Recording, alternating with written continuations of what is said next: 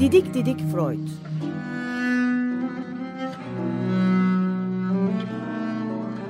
Freud'un ailevi ve tarihi romanı. Serol Teber ve Şenol Ayla. 10 yıl sonra tekrar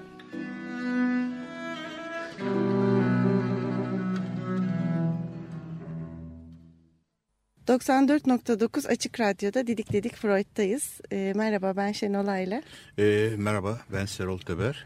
Freud'un son zamanlarına yaklaşıyoruz ama son zamanlarında büyük bir eseri bitirmekle evet. uğraşıyor bu aralar.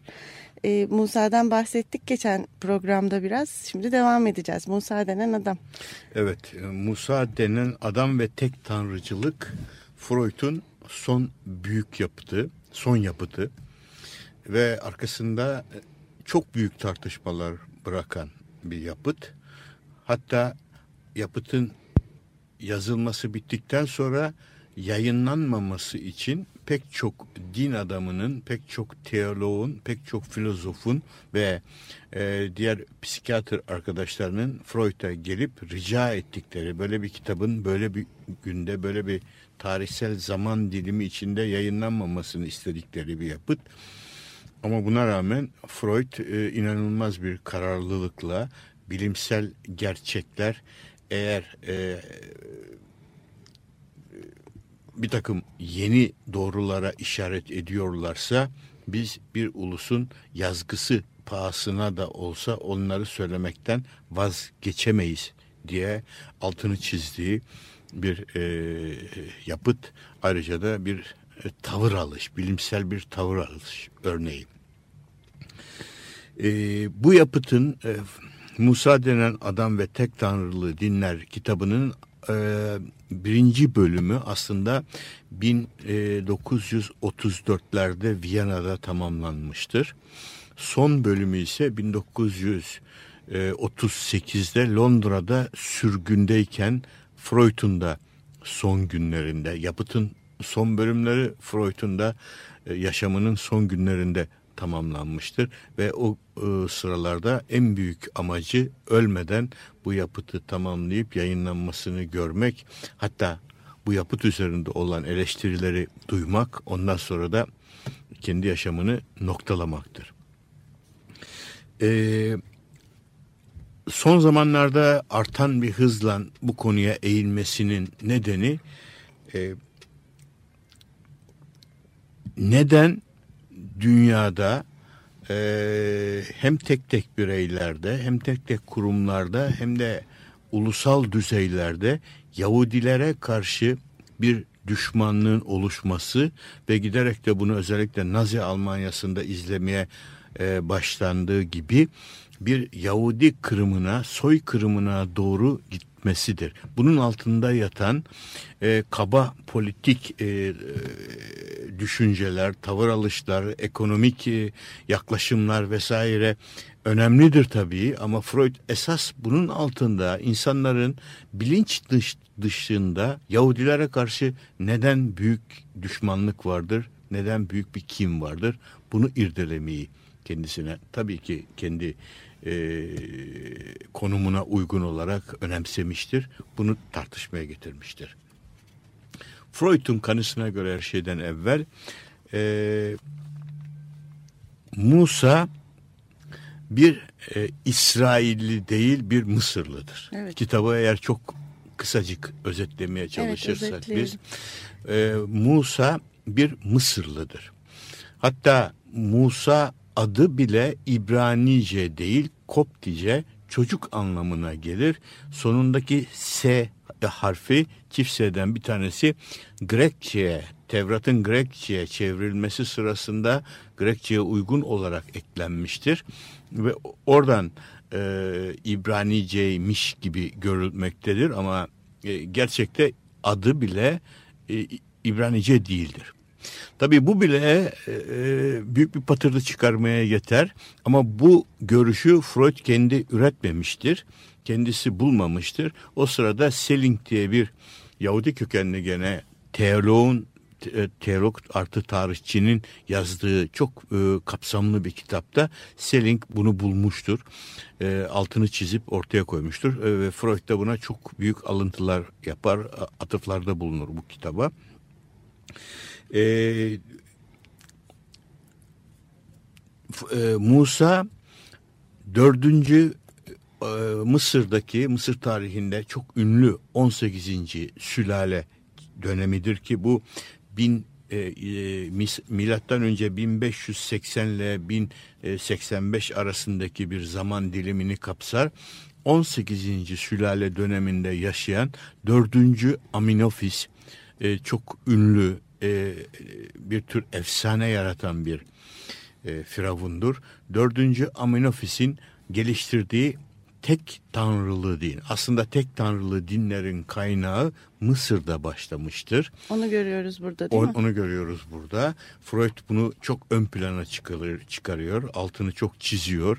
Kuşkusuz bugün artık e, bu tek tanrılı dinin Mısır'dan çıktığını e, herkes biliyor. E, ne diyelim Mısır'daki Sağır Sultan da biliyor. Evet. Ama ama e, o zamanlar için bunu ön plana çıkarıp da e, bunun üzerinde kuramlar oluşturmak oldukça e, e, öncü bir çıkışı evet. gerektirirdi. Freud bunu e, altını kerelerce çiziyor. Dördüncü Aminophis'in oluşturduğu bu Aton dini birazcık sonra biraz daha ayrıntılarına girebiliriz belki. Aton dini ortaya çıkıyor ve dağılıyor. E, Musa bu Aton dini ni yayan tapınaklardan e, birinde olasılıkla çalışan bir rahip ve bir süre sonra bu din ortadan Mısır'dan e, karşı bir devrimle ortadan kaldırıldıktan sonra Musa bu dini yaymak için kendisine bir grup insan arıyor bir anlamda.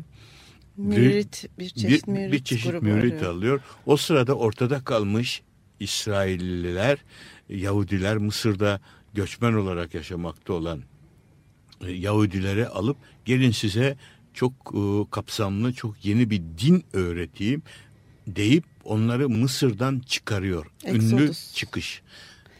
Şimdi bir parça dinleyelim istersen. Evet. Çıkıştan önce e, Bach'tan Keman için Bir Nolu Sonat'tan birinci bölüm Adagio'yu dinliyoruz. Sonra çıkışa devam edeceğiz.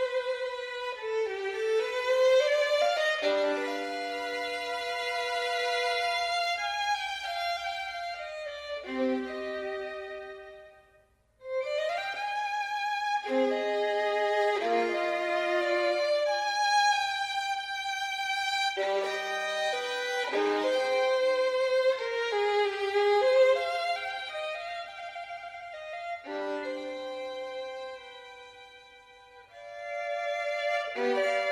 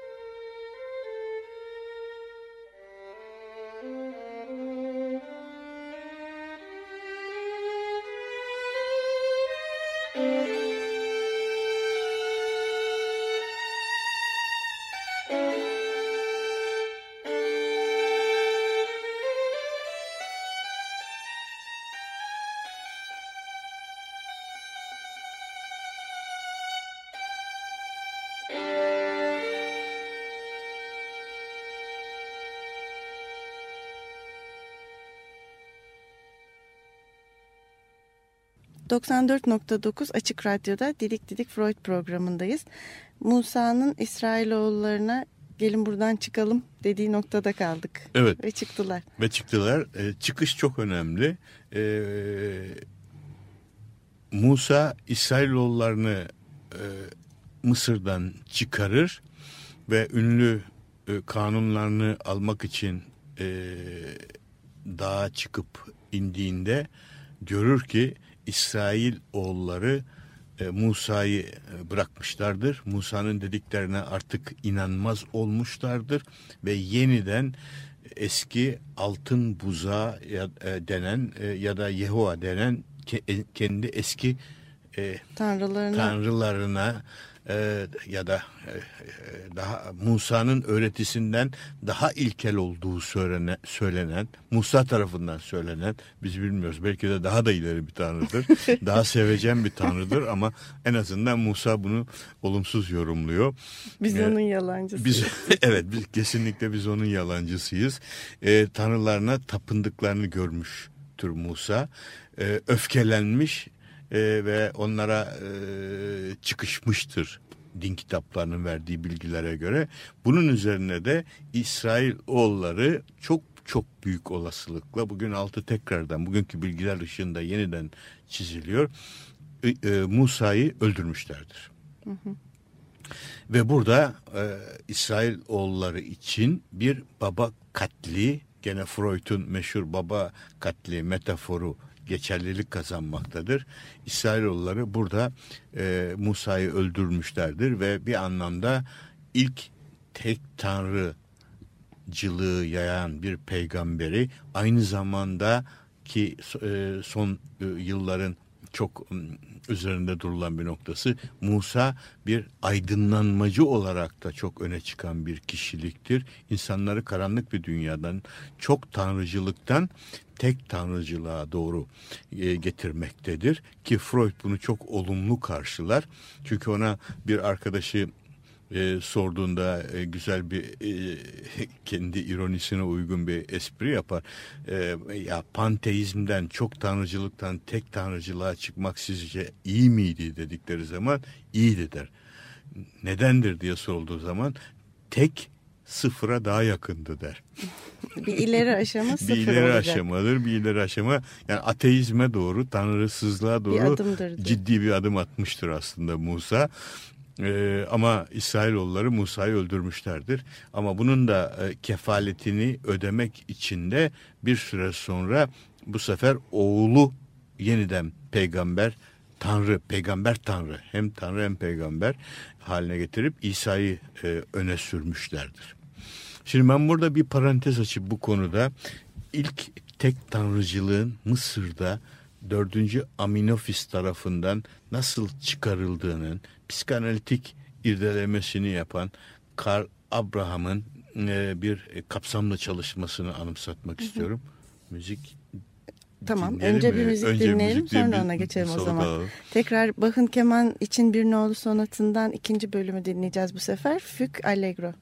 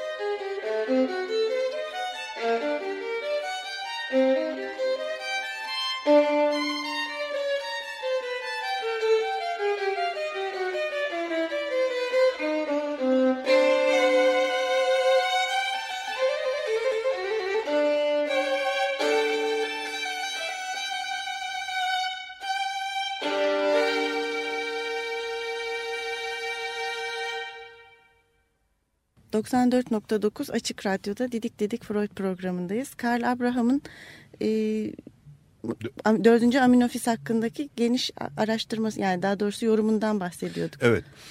E, Freud'un bu konulara eğilmesinden çok önce aslında Karl Abraham 1912'de bu tek tanrılı Mısır'da tek tanrılara geçişin e, öncüsü olan dördüncü Aminofis ki sonradan kendi adını değiştirip Eknaton adını almıştır. Bugün e, tarih kitaplarında ya da Mısır e, tek tanrıcılığı üzerine yazılan kitaplarda çoğu zaman Eknaton'da adıyla da evet. geçmektedir. Karl Abraham e, kapsamlı bir analitik araştırmasını yapmıştır. Çok renkli bir kişiliktir dördüncü Aminofis. Nasıl olmuş da böyle bir kişilik çok genç yaşta çok ileri bir adım hatta Mısır revolüsyonu diye tanımlanan bir adımı atabilmiştirin arka planını psikanalitik görüşte irdelemeye çalışmıştır bu kişiliği. Ee, Karabrahm'ın kanısına göre e, tarihi bilgiler arttı onun kanısına göre. Dördüncü Aminofis çok genç yaşta e, Firavun olmuştur. 10 yaşında galiba Evet mi? 10 yaşında zaten 28 yaşlarında da ölüyor. E, çok genç yaşta bir e, Firavun olmuştur. E, babasından 3. Aminofis'ten çok farklı bir kişiliktir. Aslında tarihsel gelişme de ona çok e, müsait bir platform hazırlamıştır bir anlamda. Bir şeyler kültürel e, atılımlar yapabilmesi için. Çünkü Mısır tarihinin e, en büyük e, imparatorluğunu hatta hatta bazıları emperyalist imparatorluğunu sınırlarına ulaşmıştır. Babası 3. Aminofis döneminde çok e, yayılmacı bir e, politika izlemiştir. Çok askeri e, politika izlemiştir. Ama e, ve pek çok tanrıların bulunduğu geniş ülkeleri zapt etmiştir Mısır orduları. Şimdi e, sıra bu pek çok tanrıyı çok kültürlü toplumu tek bir kültür ve tek bir tanrı e, altında toplamaya gelmiştir bir anlamda. Dördüncü Aminofis son derece şair e, ruhlu hatta şair aynı zamanda şiir yazan e, bu kişi e, annesi Prenses Thea'nın da etkisiyle burada Thea Aminofis ilişkisi neredeyse efsaneleşmiştir ya da tarihteki ilk büyük efsanevi ana oğul ilişkisi. Hatta yeni bir kitap çıktı ee, orada kısaca okudum. Ee, yani ilk büyük ana oğul ensest ilişkisi bilebildiğimiz tarihte bu kadar çok eko bırakan yankı bırakan bir ilişkidir diye altı e, çiziliyor. E, olasılıkla Prenses Thea bugün onun çok güzel bir e, şey, e, heykeli e, başının e, heykeli e, Berlin Mısır Müzesi'nde bulunmaktadır. Onun güzelliği ama özellikle de aklı ve geniş bilgisi üzerine çok varsayımlarda Mısır papirüslerinde geçmektedir. Çok çok büyük olasılıkla Suriye'deki bir Amon Ra tapınağı rahibinin kızıdır. Suriye'den zaten e, Mısır saraylarına güzellikleriyle ünlü olan bu genç kadınlar getirilmektedir. Teya bunlardan biridir ve dördü, e, üçüncü Aminofis'in karısıdır. Dördüncünün de annesidir Annesi. ve anne oğul ilişkisi. Burada yoğun bir ana oğul ilişkisi e, olasılıkla e, dördüncü Aminofis'in yani tek aşk tek tanrı e, ba bağlamını, birlikteliğini birlikte getirmiştir. Ki bunun da uzantısında kendisi de Mısır tarihinde ilk defa tek bir kadınla ömrünü geçirecektir ve tek bir kadına e, ünlü Nofretete'ye aşık olacaktır ve ondan başka hiçbir kadınla birlikte görünmeyecektir bir yerde. E, bu Aton dinini, güneş e, tanrısını kurar ve Aton'dan başka bir dinin olmadığını, bütün diğer tanrıların Aton e, tanrısı altında toplanabileceğini, bunun içinde yeni bir e, Heliopolis diye yeni bir e, e, başkent kurar ve burada bunun tapınağını oluşturur. Hatta burada çok öğretici bir nokta vardır. Kendisi bizzat şair olduğu için e, Aton'u öven e, yüzlerce dize yazmıştır. Bunların büyük bir kısmı elimizde var. E, Aton'un özelliklerini, Aton'un nasıl e, sevgi dolu olduğunu, o, insanların onu sevmesi lazım, nasıl adalet dağıttığını, özellikle moralist bir e, tavırla yaklaşır. Yani korkutucu bir tanrı değil, sevecen, kucaklayıcı bir tanrıdır Aton. Onun özellikleri odur. Barış tanrısı. Barıştan yanadır. Kucaklayıcı bir tanrı. Evet. E, yani daha sonraki dinlerde karşılaştırdığımız zaman böyle çatık kaşlı, öfkeli, her şeyi cezalandıran bir tanrı değildir. E, Aton e, çok son derece öğreti, öğreticidir. Karşılaştırmalı bir çalışma yapılır ise bu dördüncü Amenofis'in ya da Ekneton'un yazdığı şiirler, Aton üzerine yazdığı şiirler eski ahitte Musa'nın kitaplarında ve diğer İncil'lerde birebir çevrilip alınmıştır. Yani Evet. Bayağı esinlenme çok fazla esinlenme var. Yani neredeyse ee, Birebir diyorsun. Yani Artık ner- esinlenme değil. evet esinlenmenin biraz ötesinde bir birebir. Tabii burada da literatür verilmeden alınmıştır yani. kaynak belirtilmemiş. Zaten kaynak, kaynak. E, Freud'un da daha sonra Karl Abraham bu çalışmasından hiç bahsetmediğini yazmışsın. Kesinlikle. Sen yani, kesinlikle. adını bile anmadı ama büyük olasılıkla biliyor ve okudu kesinlikle değil mi? Kesinlikle biliyor. Karl Abraham çok yakın arkadaşı her gün evine mümkün gidip gelen değil mümkün değil bilmemesi. Ee, daha doğrusu bu Karl Abraham bu yazıyı yazıp da yayınlarken mutlaka ve mutlaka Freud'a göstermiştir. Freud o derece otoriter bir kişilik ve o hmm. derece bütün e, arkadaşlarının, takım arkadaşlarının hareketlerini denetleyen bir kişilik ki Freud'a gösterilmeden, haber olmadan Zaten bir yazının yani. yazı mümkün değil. Ama e, Freud'dan öncü bir çıkış yaptığı için çok parlak bir kişilik e, olduğu için Karl bir efsane kendi dünyasında Berlin'de çalışıyor. Yazık ki çok erken yaşta ölüyor. Daha da acısı ölümünden sonra Freud onun karısına yazdığı o kadar e, böyle dokunaklı bir mektup var ki ama gene biz onu okuduğumuz zaman Freud bir tür e, timsah gözyaşı döküyor Karl Abraham'ın arkasından. Evet. Çünkü kendisinden de parlak biri çok şükür öldü. altında bunu görebiliyoruz. Diyor. Evet altında bunu eğer biz Freud'u biraz e, iyi anlamışsak iyi didikleyebildiysek arkasında bunu görebiliyoruz. Şimdi bir parça dinleyelim. Ee, Bach'ın keman için bir no sanatının üçüncü bölümünü dinleyeceğiz şimdi Sicilyana.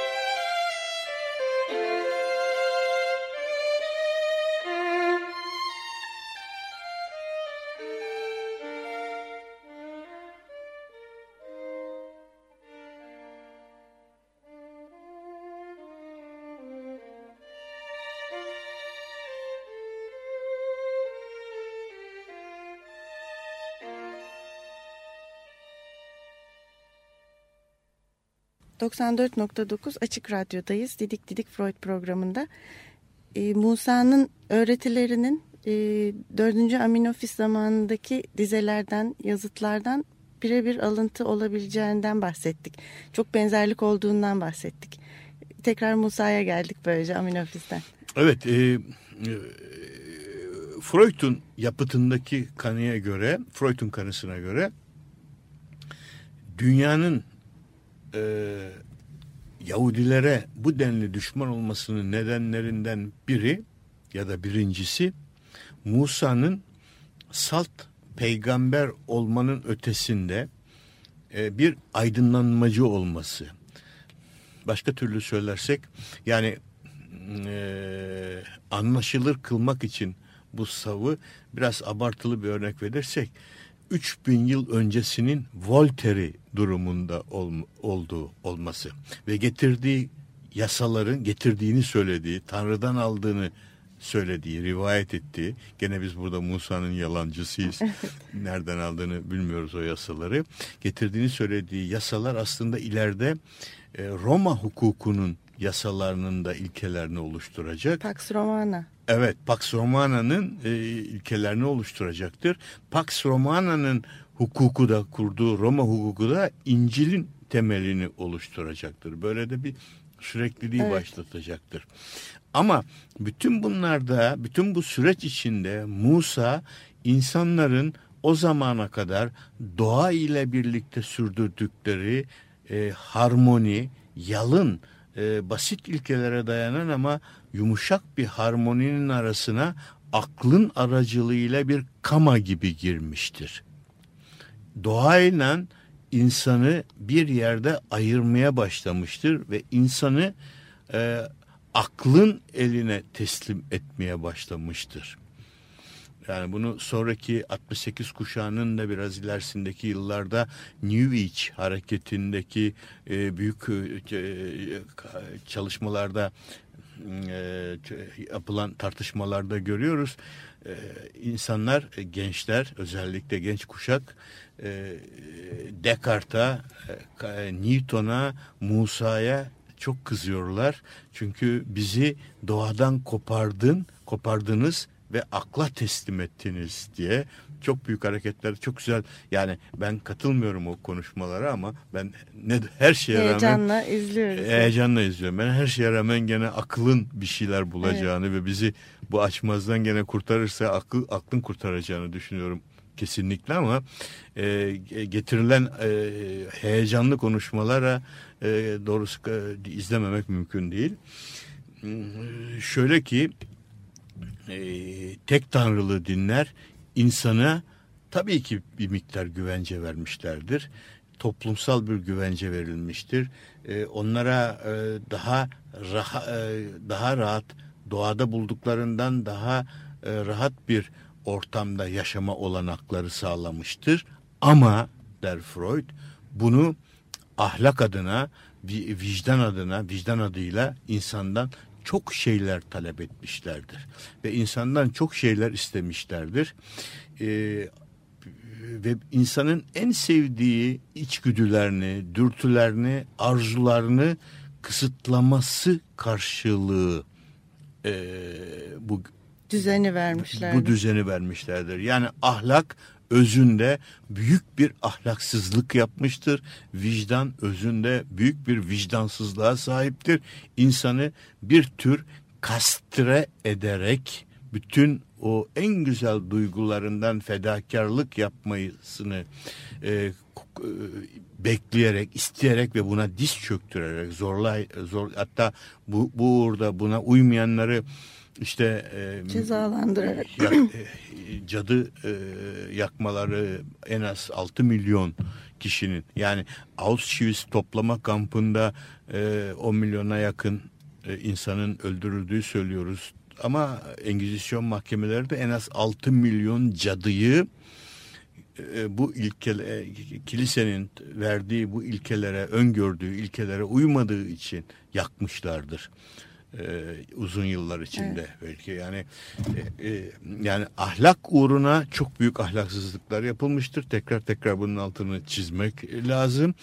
E, vicdan e, uğruna da çok büyük vicdansızlıklar yapılmışlardır. İnsan çok şey kaybetmiştir.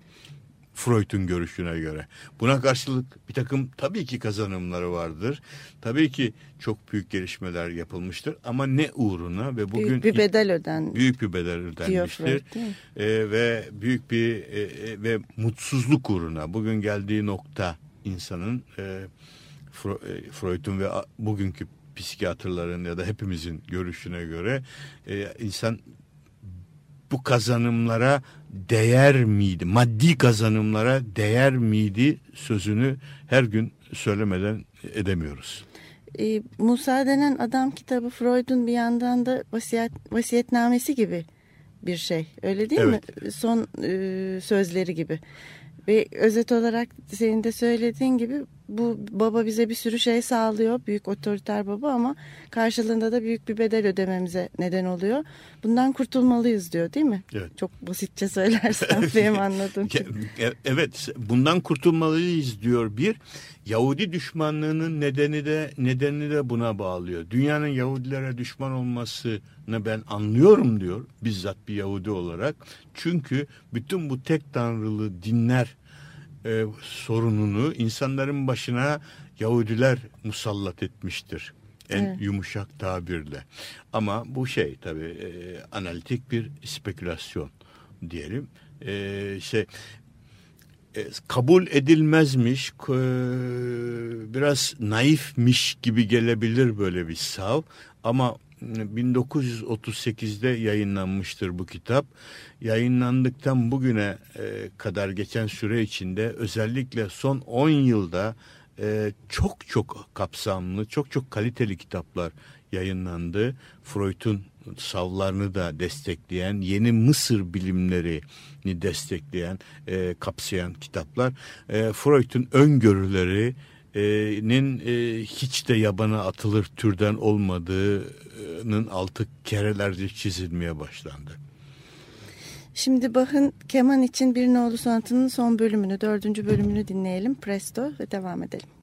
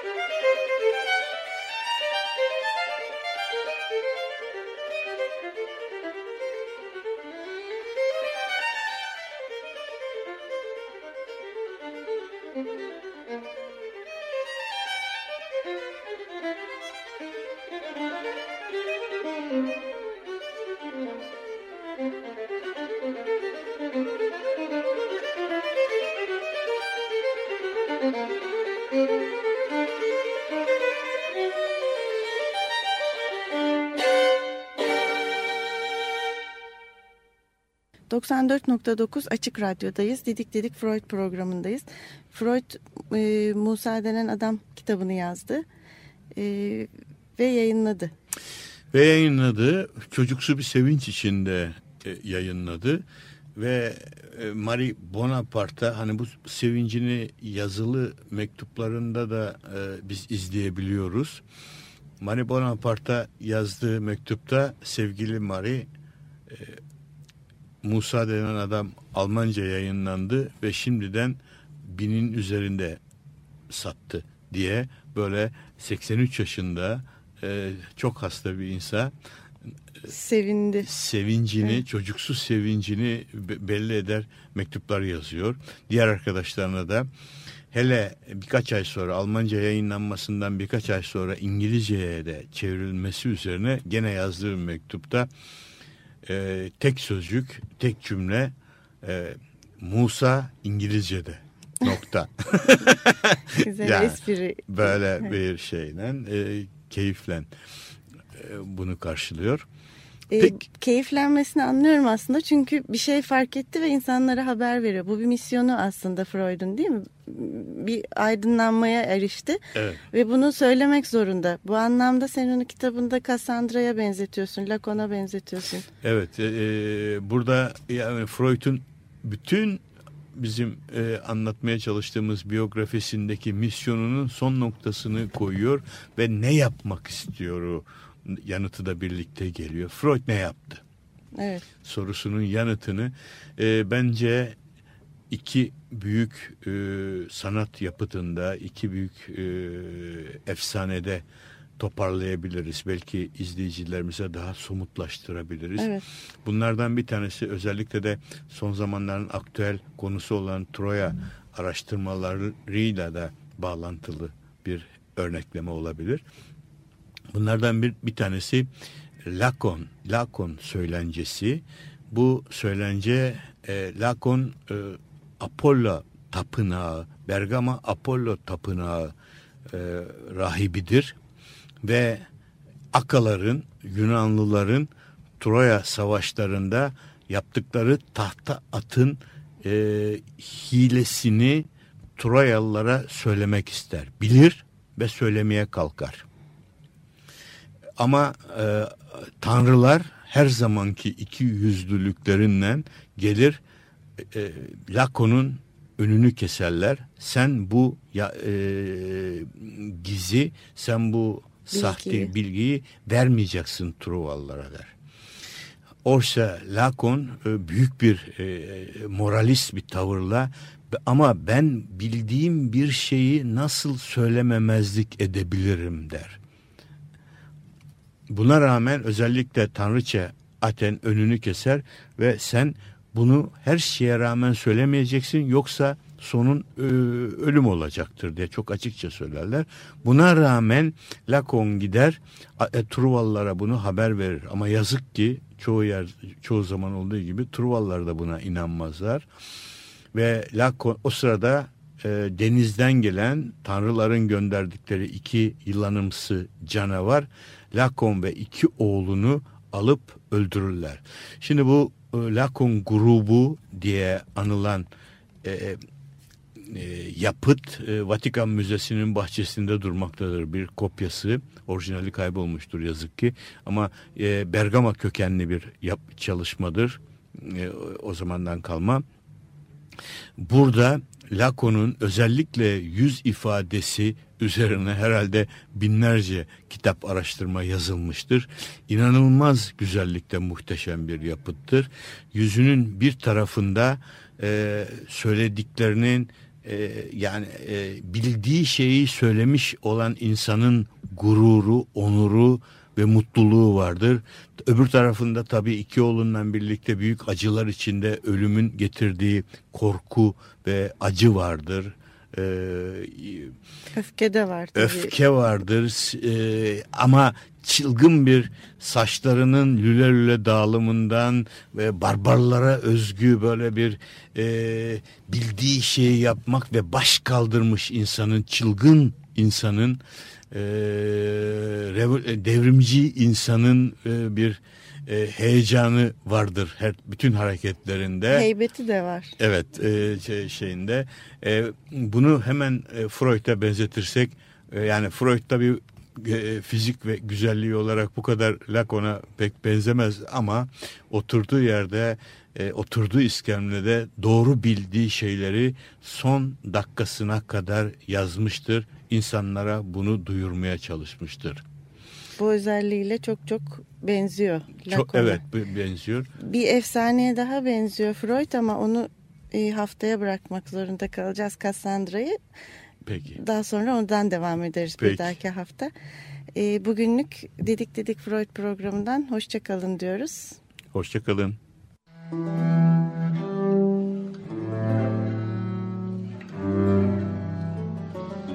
Didik Didik Freud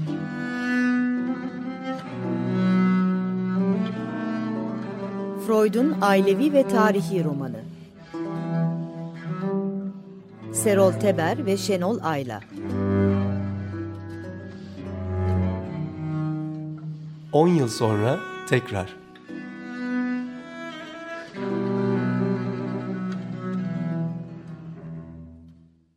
Açık Radyo program destekçisi olun. Bir veya daha fazla programa destek olmak için 212 alan koduyla 343 41 41